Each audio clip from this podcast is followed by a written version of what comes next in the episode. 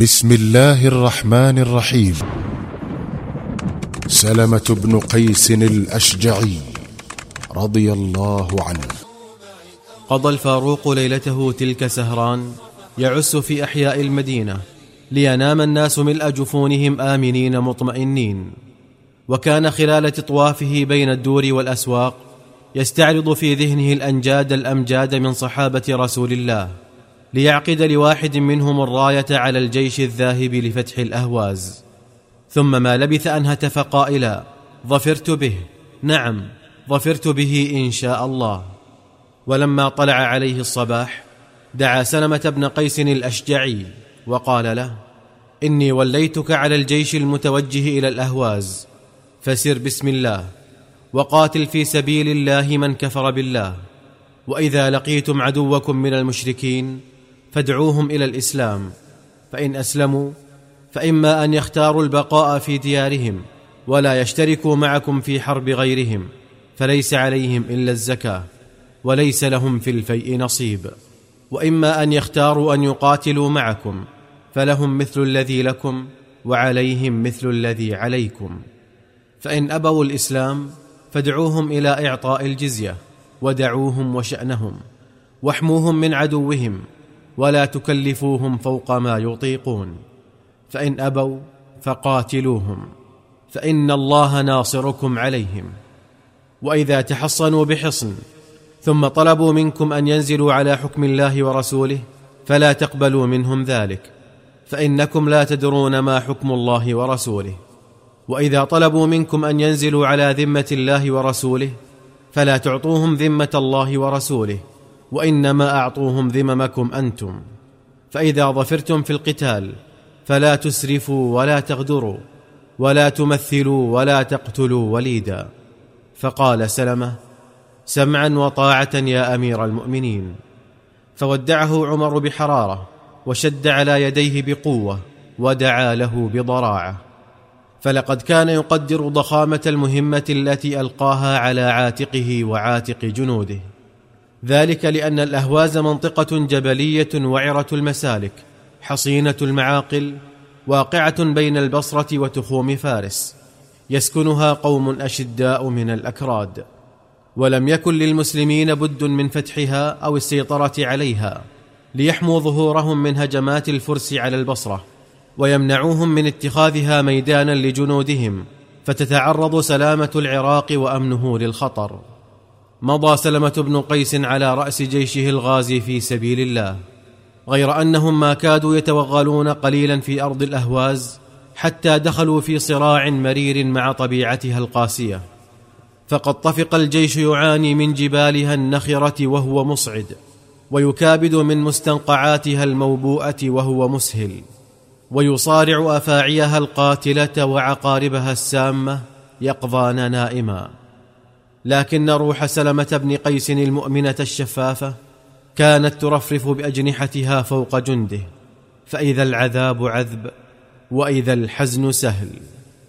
فلقد كان يتخولهم بالموعظة التي تهز نفوسهم هزا ويترع لياليهم بأرج القرآن فإذا هم مغمورون بضيائه سابحون في لألائه ناسون ما مسهم من عناء ونصب. امتثل سلمة بن قيس لأمر خليفة المسلمين فما إن التقى بأهل الأهواز حتى عرض عليهم الدخول في دين الله فأعرضوا ونفروا فدعاهم إلى إعطاء الجزية فآبوا واستكبروا فلم يبق أمام المسلمين غير ركوب الأسنة فركبوها مجاهدين في سبيل الله راغبين بما عنده من حسن الثواب. دارت المعارك حامية اللظى مستطيرة الشرر وأبدى فيها الفريقان من ضروب البسالة ما لم تشهد له الحروب نظيرا إلا في القليل النادر. ثم ما لبثت أن انجلت المعارك عن نصر مؤزر للمؤمنين المجاهدين لإعلاء كلمة الله وهزيمة منكرة للمشركين أعداء الله. ولما وضعت الحرب أوزارها بادر سلمة بن قيس إلى قسمة الغنائم بين جنوده. فوجد فيها حلية نفيسة فأحب أن يتحف بها أمير المؤمنين فقال لجنوده إن هذه الحلية لو قسمت بينكم لما فعلت معكم شيئا فهل تطيب أنفسكم إذا بعثنا بها إلى أمير المؤمنين؟ فقالوا نعم. فجعل الحلية في سفط أي صندوق صغير وندب رجلا من قومه بني أشجع وقال له امض إلى المدينة أنت وغلامك وبشر أمير المؤمنين بالفتح وأطرفه بهذه الحلية. فكان للرجل الأشجعي مع عمر بن الخطاب خبر فيه عبر وعظات. فلنترك الكلام له ليروي لنا خبره بنفسه. قال الرجل الأشجعي مضيت أنا وغلامي إلى البصرة فاشترينا راحلتين مما أعطانا سلمة بن قيس وأوقرناهما زادا ثم يممنا وجهينا شطر المدينة. فلما بلغناها نشدت أمير المؤمنين فوجدته واقفا يغذي المسلمين وهو متكئ على عصاه كما يصنع الراعي وكان يدور على القصاع وهو يقول لغلامه يرفأ يا يرفأ زد هؤلاء لحما يا يرفأ زد هؤلاء خبزا يا يرفأ زد هؤلاء مرقا. فلما أقبلت عليه قال اجلس. فجلست في أدنى الناس وقدم لي الطعام فأكلت. فلما فرغ الناس من طعامهم قال يا يرفأ ارفع قصاعك. ثم مضى فتبعته. فلما دخل داره استأذنت عليه فأذن لي. فإذا هو جالس على رقعة من شعر متكئ على وسادتين من جلد محشوتين ليفا. فطرح لي إحداهما فجلست عليها. وإذا خلفه ستر فالتفت نحو الستر وقال يا أم كلثوم غدا أنا. فقلت في نفسي ماذا عسى أن يكون طعام أمير المؤمنين الذي خص به نفسه؟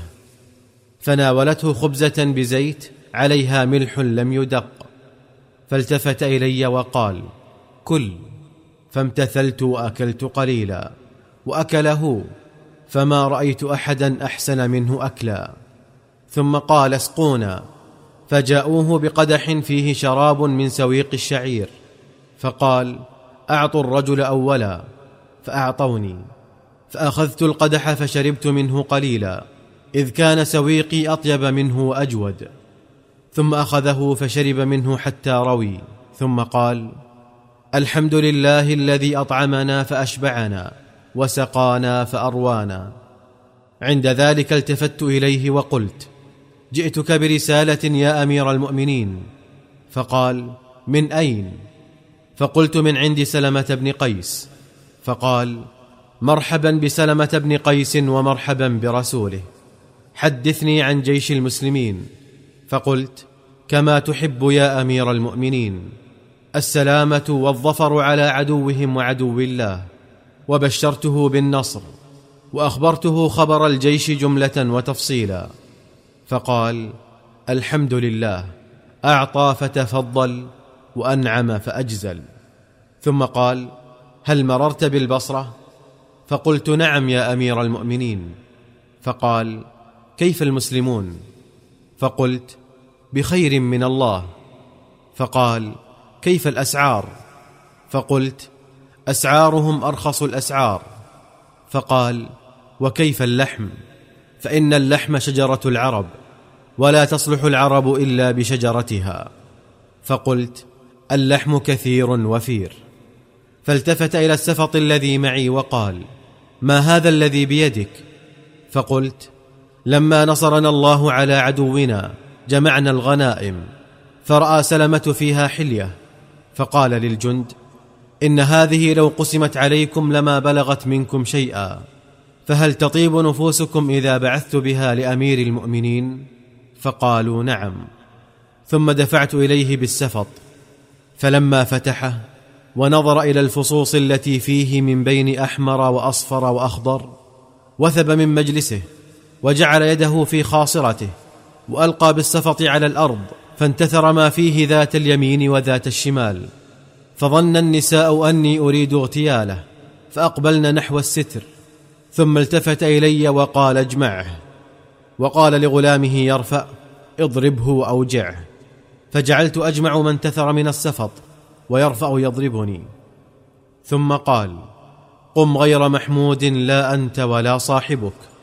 فقلت إذن لي بمركب يحملني أنا وغلامي إلى الأهواز فقد أخذ غلامك راحلتي. فقال يا يرفأ أعطه راحلتين من إبل الصدقة له ولغلامه. ثم قال لي إذا قضيت حاجتك منهما ووجدت من هو أحوج لهما منك فادفعهما إليه. قلت أفعل يا أمير المؤمنين. نعم أفعل إن شاء الله.